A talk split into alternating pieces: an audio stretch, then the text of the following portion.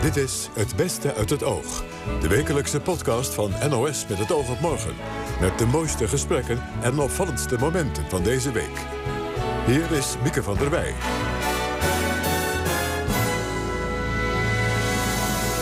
En daar bent u ook weer als luisteraar. Hartelijk welkom bij Het Beste uit het Oog.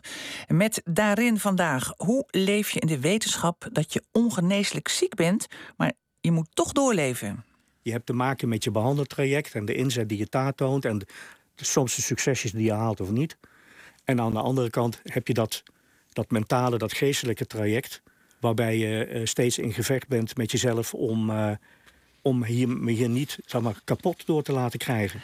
De Tweede Kamer besprak deze week de Nederlandse missies in Afghanistan. De vraag die daarbij opkwam was: is het de moeite waard geweest? Voor veteraan Annelies Homma is het antwoord duidelijk. Ik denk dat het in essentie een gewetensvraag is. Als je er geweest bent, als je het gezien hebt, kun je je dan omdraaien, weglopen en zeggen: Nou, te beden goed, zoek het vanaf hier zelf maar uit. Ik kan dat niet. En mevrouw van Koeveringen was zeven jaar toen ze bij de slag om de Westerschelde haar vader verloor. Nu wordt die slag verfilmd en mocht ze op de set komen kijken. Je kan er eigenlijk verder niks mee. Ik wou alleen een stukje verwerking. Kanker is steeds vaker een chronische ziekte. Door betere behandelingen leven patiënten vaak jarenlang met de ziekte. Maar ze weten ook dat ze nooit zullen genezen. Chris Keijnen sprak met Luke Maier over hoe het is om te leven met een ongeneeslijke vorm van kanker. Chris vroeg hem wanneer hij de diagnose te horen kreeg. 10 april 2017. 2017, Ja, dus maandagmorgen om half twaalf. kijk, dat staat Dat ga je nooit meer vergeten. in je geheugen. Dat staat in mijn geheugen gegrift. Ja. Ja, Ja. ja. hoe oud ben je? Ik ben nu 67. 67. Ja. Dus je was toen. Ik moest 65 worden. 65 Ik bijna. moest 65 Ja, worden. ja. Ja. En wat, wat was de diagnose? De diagnose was, eh, ja, zoals het dan in de volksmond heet, eh, de ziekte van Kaler. Ja. Eh, officieel heet het multiple myeloom. En wij noemen het ook wel beenmergkanker. Hm. En dat is, maar als de ziekte van Kaler is het eh, het meest bekend. Eh, het is ook de enige aanduiding op die manier zoals die in Nederland plaatsvindt. In geen enkel ander land wordt het nog de ziekte van Kaler genoemd. Hm. Alleen in Nederland. Hm. Maar het was een Oostenrijker of een Tsjech, geloof ik, die het ja. En wat, wat, wat waren je symptomen? Eh, nou, eigenlijk gewoon heel, heel plat, heel simpel. Ik had last van mijn rug. Al een hele tijd. En eh, ondanks eh, behandelingen door fysiotherapeuten en manueel therapeuten wilden het maar niet overgaan. En eh, totdat ik uiteindelijk moest besluiten om via de huisartsen naar de zogenaamde rugpolie van Tergooi ziekenhuis hier in Hilversum te gaan. Ja. Niets vermoedend een MRI laten maken. Want dat, hoort, dat is de standaardprocedure. ja. Je krijgt bloedonderzoek, een gesprek, een MRI. Ja, en dan word je naar binnen gehaald om te, om te horen wat de uitslag is. En nou, dan krijg je dus te horen... eh, ja, u- wij vermoeden eh, dat u de ziekte van Kaler heeft. Ja, dat zeg je dan op dat moment helemaal niks. Dat werd niet zo 1, 2, 3 gezegd, moet ik zeggen. Want eh, eh, ik kwam binnen en toen werd er eh, tegen mij gezegd... Ja, ja, meneer Maier, ik vrees dat ik niet zo'n mooie mededeling heb. En ik ging naar het ziekenhuis toe omdat ik dacht, ik heb een hernia. ja. Dus ik dacht, god, zou hij nou bedoelen dat ik een dubbele hernia heb? Dat Ja. lijkt me helemaal niet fijn. En dan ben je opeens kankerpatiënt. En dan ben je opeens kankerpatiënt. Hoe reageer je daar dan op? Nou, je reageert, je reageert eigenlijk niet. Je, je bent totaal met stomheid geslagen. Hm. Eh, je voelt je zoals je je voelt waarschijnlijk in een situatie waarin je on- in groot gevaar bent. Dus je voelt het bloed wegtrekken uit je hoofd. Hm. Eh, je wordt, ja, de Engelsen zeggen, je wordt nam. Hm. En vervolgens denk je, nou, dit, dit kan niet waar zijn. Ik zit in de verkeerde film. Ja. Ik word zo wakker. Het is, het is een droom. ja. En dat gebeurt dan niet? En dat gebeurt dan niet. ochtend word je wakker en dan is het nog steeds Ja. zo. En wat gebeurt er dan met je? En dan heb ik het even niet, want ik neem Nee, niet dat behandelingen Nee, nee, enzovoort. Nou, wat, er- wat er dan gebeurt is dat er langzaam maar zeker... ehm, eh, toch een zekere mate van paniek zich meester van je begint te maken. Mhm. In eerste instantie vertaalt zich die paniek in gedachten als... oh, kan er wat aan gedaan worden? Eh, eh, hoe, hoe snel dan en wanneer dan?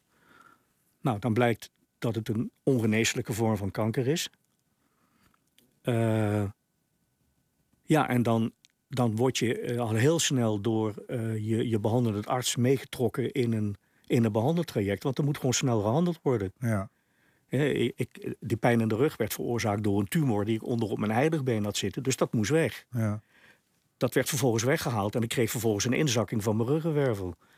Dus dan komen er plotseling hele andere dingen nog, Ja. nog om de hoek kijken die niks. Is, is, is het zo dat, dat doordat je zo'n enorm eh, circuit van behandelingen ingaat, dat je daardoor geestelijk eigenlijk te veel afgeleid bent om je echt te realiseren wat er aan de hand is ook? Of? Eh, Het, het vecht, het, je, leeft, je leeft in twee, soort, twee van parallele werelden. Hm. Je hebt te maken met je behandeltraject en de inzet die je daar toont en de, soms de succesjes die je haalt of niet.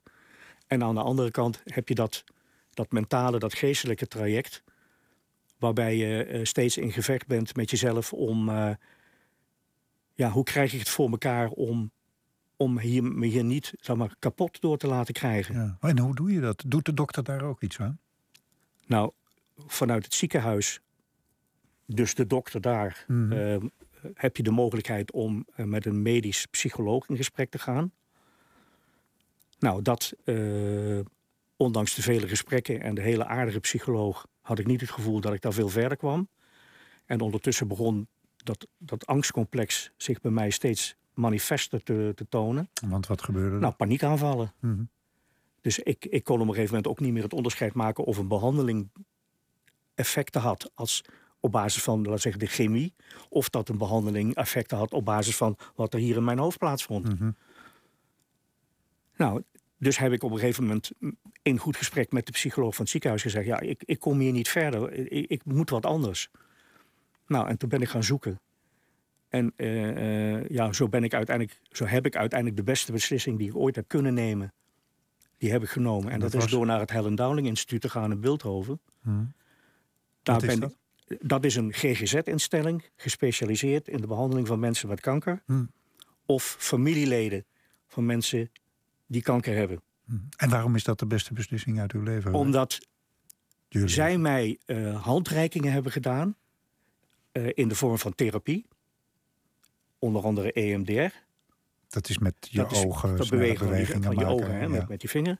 En ook gewoon, ja, eh, ik schaam me er niet voor. Ook gewoon, Traumaverwerking ook, is dat eh, eigenlijk, trouw- ja. Uiteraard. Maar ook eh, een psychiater. Dus ik krijg gewoon een antidepressivum om, eh, ja, om mijn angststoornis te onderdrukken. En dat, ik kan je niet vertellen hoe goed dat werkt. Hm. Die combinatie van gesprekken, EMDR, traumaverwerking, eh, een pilletje. Eh, ja, Je, zegt Ja. dat een pilletje, en dat hoor je natuurlijk vaak, een heel klein beetje verontschuldigend van ja, ik, ik doe dat ook. Ja. Maar eigenlijk zeg je dus ook, wees daar niet bang voor. Doe dat gewoon. ja, Mhm. ja. Eh, ik ben er misschien inderdaad wat, wat nou ja, niet schaamtevol. Ik bedoel, Nee. schaam me er niet voor. Nee, nee, nee, zo klonk het ook niet. Maar, Maar, maar ja, nou ja, goed, je wil dat niet van, nou ja, dat is de grootste zaak van de wereld. Hè? Het zo- dat is het dus niet. Maar die combinatie is voor mij gewoon, laten we zeggen, de beste combinatie eh, gebleken te zijn. Mm. En eh, die heeft ervoor gezorgd dat ik, dat ik mijn autonomie weer teruggewonnen heb. Mhm. Dus dat ik mijn, mijn, mijn, mijn, eigen ik weer terug heb. Eh, dat ik kan dealen met de situatie waarin ik verkeer. Namelijk dat ik nooit meer beter ga worden. Mhm. En dat dat bij aanvang al, al niet zo was. Ik bedoel, kader is ongeneeslijk. Wordt je omgeving daarin ook meegenomen? eh, als die ehm, aangeeft de behoefte daartoe te hebben, ja. Want eh, er worden heel duidelijk ook uitnodigingen richting het gezin gedaan. En ehm, ja, de, een heeft daar meer behoefte aan dan de ander. Kijk, je, voert natuurlijk ook gesprekken thuis. Mhm. met je, met je echtgenoten en met je kinderen. Nou, een, een, een van mijn kinderen, eh, die zelf psychiater is, die heeft een aantal keren aangegeven mee te willen bij, bij de gesprekken. Mhm. Eh, nou, prima, dat, dat, dat, daar zet ik bij. En dat zijn hele prettige gesprekken, ook als zij erbij is. Mhm. Dus in die zin wordt ze ermee betrokken. Ja. Maar ik praat natuurlijk ook met mijn echtgenoten over. Ja. Je werkte ook nog, je bent nu met Ja, pensioen, maar je werkte toen, toen nog wel. Wat betekende het daar? Hoe reageerde eh, je werkgever er bijvoorbeeld op? Eh, nou, mijn, mijn werkgever, zowel op, laten we zeggen, lokaal niveau als centraal niveau, die reageerde echt fabuleus goed. Hm. Ik heb echt ongelooflijk veel steun gehad van mijn directie hier in Hilversum. En ik heb ongelooflijk veel steun gehad van de raad van bestuur die in Amsterdam zit. Mhm. Uh, ja, dat, en, en dan praat ik nog niet eens over de collega's die, die zo vol eh, erin gegaan zijn om mij. Want je hoort ook juist vaak dat, dat mensen die kanker krijgen... eh, in een isolement terechtkomen. Omdat mensen het eng vinden en eromheen gaan draaien. En, Ja, ik wil. Ja, dan voldoe ik misschien niet aan de stereotypen. Dat zou kunnen. hmm, Eh, ja, ik, ben, ik heb me natuurlijk wel eens eenzaam gevoeld. Dus dat je thuis zit en, en dat je eh, niet goed weet waar je het moet zoeken en wie je erbij en, en dat, dat een gevoel van nou je eenzaam, alleen zijn, nou eenzaam je overvalt. Nou, dat heb ik gelukkig redelijk snel weg kunnen zetten. En eh, heb ik mezelf, laten we zeggen, gelukkig samen met hulp van het Helen Dowling Instituut ja. in een positie kunnen brengen. Waarin ik zeg, ja, het is wat het is. Ja. Ik en kan wat het niet is het veranderen. op dit moment? Op dit moment, ja, eh, ik heb een, eh, laten we zeggen, ik heb een shitload aan fysieke klachten. Eh, klapvoet, eh, noem maar op, neuropathie. Eh, maar, maar ik geniet van het leven. Ik, heb- ik heb mijn kleinkinderen om de hoek wonen. Ik ga twee keer in de week naar de fitness. Eh, ik golf eh, met, met enige regelmaat. Eh, ik, ik, ik, ik, verveel me geen dag. Hm. Nu ik me ook niet, niet met pensioen en ook niet met deze, met deze verschrikkelijke ziekte. Nee. Is dat dan misschien ook de beste tip die je mensen kan geven... die misschien vandaag of morgen te horen Ja. krijgen dat ze kanker hebben? Probeer te blijven leven. Nou, probeer te overleven en zoek op tijd hulp. Mhm. Zoek op tijd hulp. Er is professionele hulp op dit gebied. En ga dat niet uit de weg. En probeer daarmee je autonomie terug te, te vinden. Dat je weer bent wie je bent, wie je was. En dat je eh, je leven weer richting kunt geven. Dat valt niet mee. Ik had het alleen niet gered. Maar samen met dat Helen Dowling Instituut heb ik het voor elkaar gekregen. En waarom zou het anderen niet lukken als het mij wel gelukt is? De Amerikaanse ruimtevaarder Christina Koch keerde deze week na 328 dagen terug op aarde. Met haar ruimtereis schreef ze maar liefst twee keer geschiedenis. Niet alleen is ze de vrouw die het langste in het heelal verbleef, ze maakte deel uit van een ruimtewandeling die uitsluitend door vrouwen werd gemaakt. Artemis Westenberg is voorzitter van Explore Mars Nederland. De reis van Koch is volgens haar van groot belang voor de emancipatie van vrouwen in de ruimte, vertelde ze aan Marcia Luiten. Nou, het is natuurlijk heel belangrijk dat vrouwen zichtbaar eh, een onderdeel zijn van het hele ruimteproject. En op het moment dat je dit soort dingen niet doet, eh, dan lijkt het te veel alsof ze, ja, weet ik het, de, aan de waterdragers zijn in plaats van gewoon de volledige astronauten. Het probleem is alleen met die ruimtewandelingen dat pakken, die zijn eh, niet op de maat van vrouwen. En eh, de dames in de ruimte dragen onder die pakken ook altijd om een beetje dikker te zijn. eh skijacks, nou, zonder mouwen, dus een ski bodywarmer. Omdat anders dat pak helemaal niet opgevuld wordt. En dat is ook de reden geweest waarom een eerdere ruimtewandeling niet door kon gaan. Omdat er geen twee pakken waren in de juiste maat voor de dames. Dus een kleinere maat dan de heren. Eh, en dan wordt het toch eigenlijk te gevaarlijk als je pak zo veel te groot is. Ja, maar wat u nu vertelt lijkt mij zo'n banaal probleempje. Je zou toch denken, kijk, zo'n ruimtemissie... dat vereist natuurlijk afstemming en voorbereiding op de kleinste details. Dan denk je toch, NASA denkt toch aan een pak eh, in de maat van een vrouw? Nee, de pakken zijn daar eh, niet op gemaakt. Het zijn gewoon algemene pakken. En daar moet je het mee doen. En dat geldt ook voor de algemene eh, handschoenen. Die eigenlijk ook veel te groot zijn. Ik eh, heb zelf een maat 7 handschoen. Nou, ik denk dat heel veel heren een maat 9 of groter hebben. En daar zijn eigenlijk de handschoenen voor gemaakt. Dus, Dus begrijpt- deze vrouwen hebben geen vrouwenpakken. Die moeten dus werken in die mannenpakken, zegt u. Ja, en, die, en er zijn wel mannenpakken in verschillende maten natuurlijk. Want je hebt ook lange heren en kortere heren. Ik bedoel, dat is gewoon zo. Ik bedoel, André Kuipers of een Russische astronaut... dat is vaak wel een, een kopverschil. Een ander typetje. Zeg, en eh, die Christina Koch, waarom was ze zo lang in de ruimte?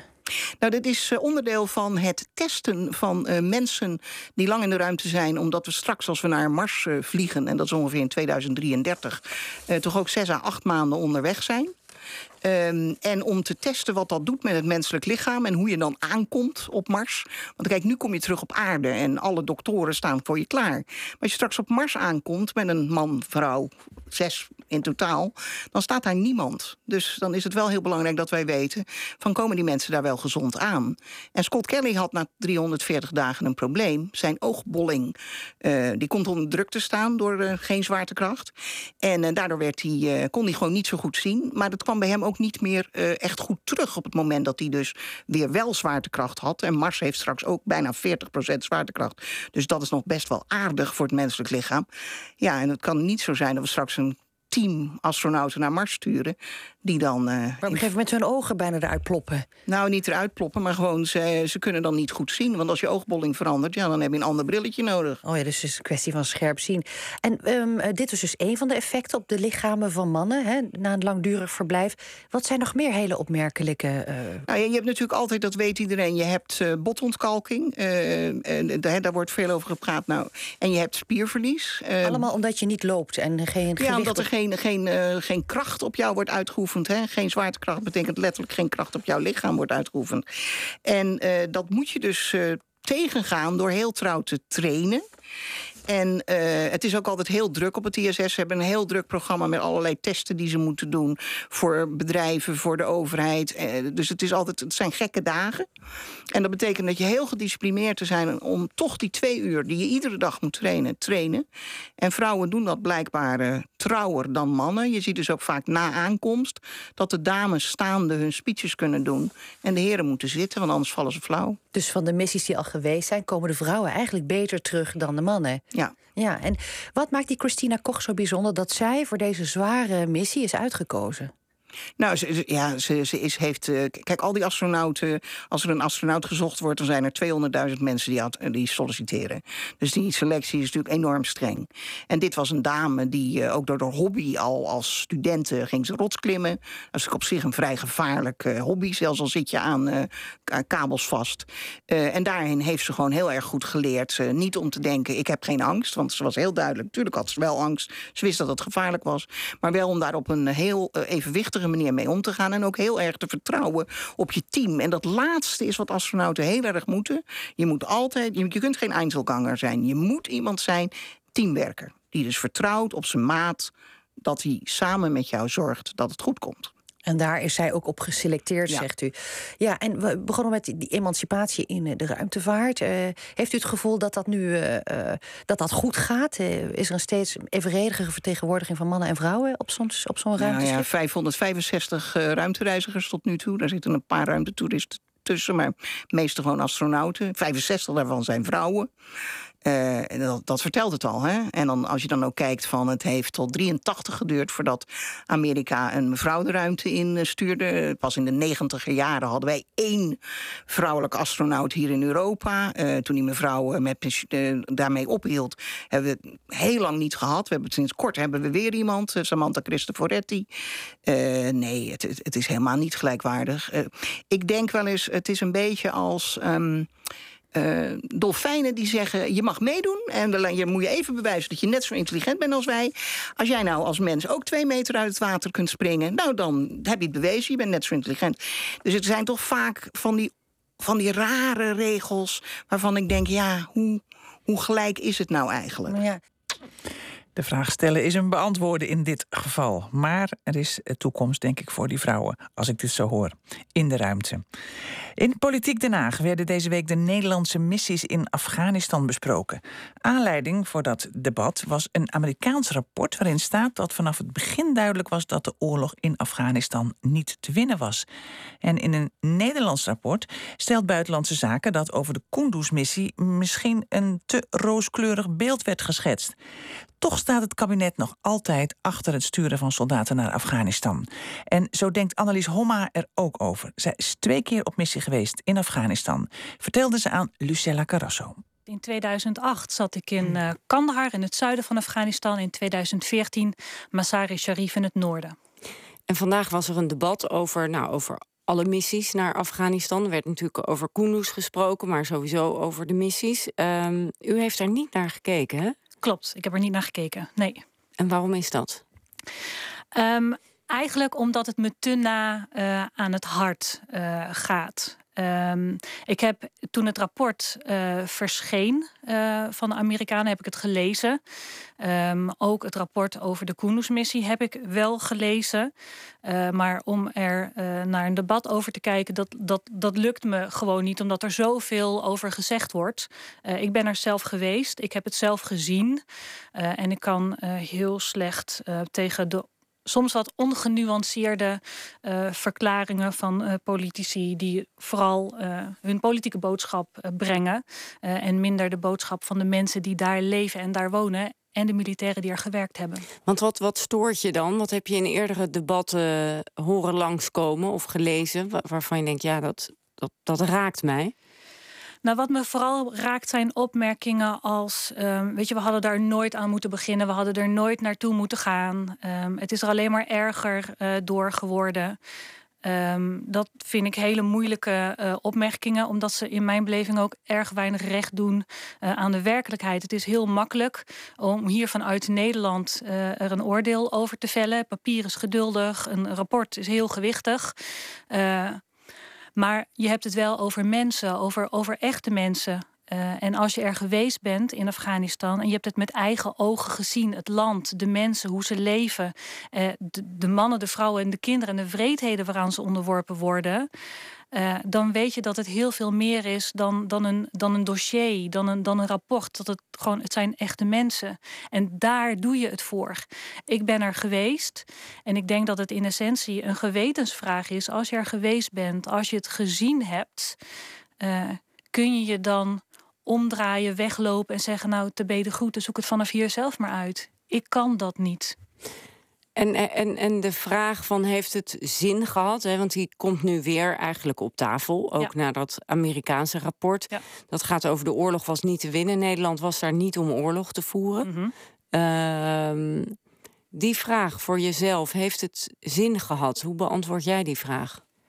Nou, ik denk dat het dan allereerst belangrijk is om je te realiseren dat er in Afghanistan meerdere missies zijn geweest. je hebt Operation Enduring Freedom. Dat was echt de, de, de war on terror na de aanslagen op de Twin Towers. Je hebt de ISAF-missie, die was vooral gericht op het trainen van de Afghaanse strijdkrachten en het helpen bij het ondersteunen van het herstellen van het gezag van de Afghaanse regering. Um, en je hebt de Kunduz-missie, wat vooral een politietrainingsmissie was. Ik heb zelf twee keer aan de ISAF-missie uh, meegewerkt. Uh, en mijn ervaring daar is dat de Nederlandse strijdkrachten, de mannen en vrouwen met wie ik daar geweest ben, met wie ik daar gewerkt heb, echt wel daar hebben gewerkt met echt het doel om onze, onze, onze Nederlandse missie, waar wij als krijgsmacht voor zijn, het zorgen voor veiligheid, vrijheid en vrede, nationaal en internationaal, om dat te bewerkstelligen, om dat te doen voor de mensen daar. Um, en dat is nooit vergeefse moeite. Als je daar bent en je, en je doet iets, iets doen is altijd beter dan niets doen. Dat geloof ik echt. En nogmaals, als je daar bent geweest, het land hebt gezien, de mensen hebt gezien en de wreedheden waaronder de bevolking te lijden heeft, dan kun je niet niets doen. En dan moet je iets doen. Um, en, en, ook al is het resultaat dan wellicht teleurstellend, want het is daar nog steeds niet veilig, ja. het is niet rustig nog steeds. Nee. Dan nog achteraf, hè, want het heeft jou persoonlijk ook veel gekost. Ja. Zeg je toch wel doen en, en, en gaan en, en het daarop beoordelen? Ja, wat ik wel goed vind, is dat er nu heel goed geëvalueerd wordt. Wat kan er beter een volgende keer? Dat is wat je in iedere missie moet doen. Je moet, je moet altijd kijken, wat kunnen we hiervan leren? Wat ging er mis? Wat kan beter? Wat, wat ik ook wel geloof, is dat we vooral te vroeg zijn weggegaan op een gegeven moment kregen we hier in Europa de, de economische crisis. De huizenmarkt stortte in. Het werd heel moeilijk voor de Amerikanen, maar ook van ons, om die missie in Afghanistan nog te verkopen. En zo is die terugtrekking van de, van de troepen een beetje begonnen. Dat was te vroeg. En dat, dat wisten we. Dat wist de hele internationale gemeenschap en dat wisten ook de Afghanen. Um, in 2014, ik zat in een van de laatste eh, ATF-missies, de Air Task Force-missies. En in 2014, toen ik daar was, zijn er weer verkiezingen georganiseerd in Afghanistan. Um, nou, van tevoren was er natuurlijk heel veel. De Taliban die dreigden met aanslagen en zo.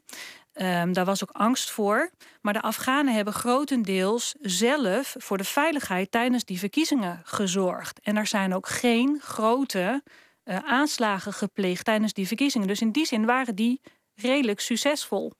Alleen omdat we in mijn beleving te vroeg zijn vertrokken, was het land nog niet klaar om het zelf voor elkaar te krijgen. En na het beëindigen van de ISAF-missie is wel doorgegaan met de Resolute Support Mission, wat echt gericht was op het trainen van de, van de Afghaanse security forces. Maar het was nog, er was nog onvoldoende basis. En dat is ook omdat een militaire missie staat niet uh, alleen. Ook de Nederlandse aanpak is altijd uitgegaan van de 3D-aanpak: diplomatie, defensie en nou ja, um, development, ontwikkeling. Ja, ontwikkelingssamenwerking. Je kunt het niet alleen militair doen. Je hebt ook een, uh, een, een, een eigen overheid nodig die functioneert. Die was er ook nog niet. En de strijdkrachten waren nog onvoldoende getraind. En dat is jammer. Ja, dankjewel voor jouw eh, commentaar, Annelies Homma. Hartelijk dank. Het was een van de grootste militaire operaties op Nederlands grondgebied. De slag om de Westerschelde aan het einde van de Tweede Wereldoorlog. In Zeeland en West-Brabant kwamen meer dan 10.000 mensen om. Die slag wordt nu verfilmd en ooggetuigen en nabestaanden mochten komen kijken bij de opnames. Ook mevrouw van Koeveringen, 82 jaar is ze. En zij bezocht die filmset en vertelde aan Marcia Luiten hoe indrukwekkend dat was. Ik vond er versteld van dat het allemaal zo rustig ging. En uh, ja, ik had zoiets nog nooit gezien. En ook uh, oorlogsfilms, dat was voor mij niet weggelegd, want daar wou ik nooit wat van weten. Maar op een gegeven moment, ja, dan komt er een moment, dan wil je toch bepaalde vragen. En uh, het was voor mij heel fijn om daar vanmiddag te zijn. Ja, want waarom heeft u daar nooit iets van willen weten? Want um, uh, u, u, was jonger in de oorlog, een jaar of ja. zes geloof ik. Uh, ja, en toen in ja, die slag, zeven. Ja, of zeven. En toen in de slag om de Schelde, toen is door een bombardement van de Britten uw vader omgekomen. Ja, dat klopt, ja. Uh, wij woonden in de Badpolder, uh, Rilland, Rilland. En dan had je de Badpolder. mijn opa en de twee broers zaten in Rilland in de smederij. En mijn vader, die was in de Badpolder in de smederij.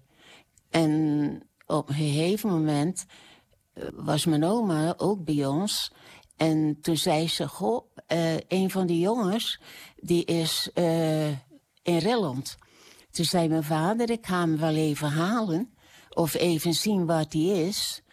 En mijn zuster heeft nog geprobeerd hem tegen te houden, maar dat is niet gelukt. En ja, toen was er een bombardement en daar is hij mee omgekomen. Een bombardement van de Britten was dat, hè? En u zegt... Ja, dat was van de Allieerden, hè? Of... Ja. Ja, ja, van de ja. dat klopt. En werd daar thuis dan over gesproken? Nee, absoluut niet. Ik, heb, uh, ik ben ook niet bij de begrafenis geweest. Ik uh, kan me helemaal niet herinneren. Het was voor mij gewoon een zwart gat. Uh, mijn zuster is wel geweest met een tante. En uh, tijdens de begrafenis hebben ze nog in de greppel naast het kerkhof moeten liggen... wegens de bombardementen en de vliegtuigen die overkwamen. Ja, en, en u heeft, er werd nooit over gesproken, zei u. Heeft u begrepen waarom u daar niks van mocht weten? Ja, daar heb ik geen flauw idee van. Uh, mijn moeder was heel stil. Ze wou dus alles voor, voor mij eigenlijk verborgen houden. Ja, het was misschien de tijd, dat kan ook. Ze droeg al het leed zelf. Er werd zelfs aan we gaan wandelen. En we kwamen langs Kerkhof. Zijn we er nooit geweest. Ja, en u zegt het was daarom eigenlijk heel bijzonder en ook fijn om vandaag op die filmset te zijn. Ja. Uh, wat zag u? Welke scène werd daar opgenomen? Nou, ik zag gewoon allemaal panzerswagens, chips en uh, ja, je zag ze gewoon die film uh, opnemen. Ja, en u, u heeft zelf nooit oorlogsfilms willen zien. Waarom was dat dan? Omdat ik dan, uh, die wou ik beslist niet zien. En ik werd ook altijd kwaad als ik zulke programma's zag. Ook kwaad? Op wie? Ja, dat weet Ja, meestal op mijn man moest het ontgelden. Want dan wou hij per se al die films zien. En hij is een geschiedenisman. Nou, op dat moment, als er daar zo'n film was, interesseerde me dat absoluut niet. En dan zag ik, ja, wat het was, weet ik niet. Ik was gewoon bang, denk ik. Weet ja. ik niet. Dus dat was wel een, uh, dat was dan ook nog een bron van conflict hè, in, in uw eigen huwelijk. Omdat uw man een geschiedenisman was en u die geschiedenis helemaal niet wilde kennen. Maar wat veranderde er dan uh, dat u er nu wel over wilt praten en, naar die opnames wilde gaan kijken? Nou, op een gegeven moment heb ik uh, een stuk uit de krant gelezen. En er stond dus een verhaal in. En die man die was ook overal boos op. En die is op een gegeven moment is die al die uh, puzzelstukjes. En zo is die bij heel het verhaal van de oorlog heeft hij dus zo proberen te verwerken. En, dat, en, en toen dan bent u hetzelfde gaan doen? Nou, nee. Nee, dat niet. Het is eigenlijk ook meer gekomen. Ik moet uh, op Rilland was het 75 jaar natuurlijk. En er werd uh, een kranslegging, zou er bij de oorlogsslachtoffers zijn. En uh, ze hadden mij gevraagd dus uh, om daar een krans te leggen bij mijn vader. Dat had ik ook willen doen. Ik zag er wel heel erg tegenop. Maar door omstandigheden is dat niet doorgegaan. Wat ik later best heel erg vond. Want ergens wil ik heel die geschiedenis uit mijn hoofd krijgen en gewoon rust vinden. Dat ja. is alles. Ja, en om die rust te vinden bent u nu wel um, dat verhaal uh, een beetje gaan uh, leren kennen en gaan onderzoeken. U vertelde net um, dat u altijd boos werd op uw man als die wel oorlogsfilms wilde kijken. Werd u ook boos op de geallieerden die uiteindelijk dat bombardement hebben uitgevoerd? Ook dat nog. Kijk, het is natuurlijk door je bevrijders zoiets gebeurt, dan is dat een heel leuk idee. Hoe bedoelt en, u? Nou ja, ik bedoel maar, het waren onze bevrijders. Ja, dus daar kon je eigenlijk niet kwaad op worden? Nee. Nee, nee dat, dat had ik niet. Maar ik had ook niet... Uh, kwaad op die Duitsers. Kijk, het is oorlog, het gebeurt. En ja, daar kan de mensen niks aan doen. Er eh, komen slachtoffers, dat weet ik wel. Maar het, het idee, dat ik geen afscheid van vader kan nemen, nee, dat, uh, dat zat me dwars. Ja. En dan hoorde je ook wel eens van andere mensen dit of dat. En dan dacht ik, hou toch alsjeblieft op met je gezeur. Er zijn zoveel andere dingen die veel belangrijker zijn. U vond praten over de Tweede Wereldoorlog gezeur. Ja. En, en uh, u bent nu nog steeds bezig eigenlijk met te proberen die geschiedenis uh, een beetje voor uzelf uh, helder te krijgen. Ja. Ja, ja. En, en helpt die film die, waar je naar vandaag bent naar gaan kijken? Nou, kijk, je krijgt natuurlijk wel een ander gedachtehang. En je zag die mensen, dan dacht ik, ja, ook zij werden gestuurd. En ja, je kan er eigenlijk verder niks mee. Ik wou alleen een stukje verwerking. Ja, ik zei het al in het begin, hè, die slag om de Westerschelde was eigenlijk samen met die day de belangrijkste slag uh, die eigenlijk geleverd moest worden tegen de nazi's. Um, wat hoopt u dat mensen die die film gaan zien nu uh, meekrijgen van uh, wat daar gebeurd is? Ja, wat krijg je mee? Ik denk dat het voor sommigen toch heel goed is om te zien wat er allemaal gebeurd is. Kijk. Als ze zien wat hier mensen voor anderen hebben overgehad. Uh, ja. 10.000 jongens zijn hierbij omgekomen. Of jongens en, en dus inderdaad ook uh, burgerslachtoffers. Ja. U, u hoopt dat ze dan daar anders over gaan nadenken? Ja, dat vind ik wel. Nou, dat was hem weer voor deze week. We eindigden met uh, mevrouw van Koeveringen, 82 jaar oud. Tot de volgende week. Dag. Gute Nacht. Es wird Zeit für mich zu gehen. Was ich noch zu sagen hätte, dauert eine Zigarette und ein letztes Glas im Stehen.